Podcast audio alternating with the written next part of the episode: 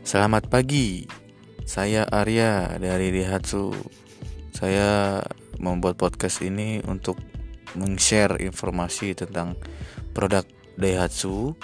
Semoga bermanfaat untuk kalian semua. Dan saya masih belajar di sini karena ini podcast pertama saya. Ya, semoga bermanfaat bagi kalian semua ya.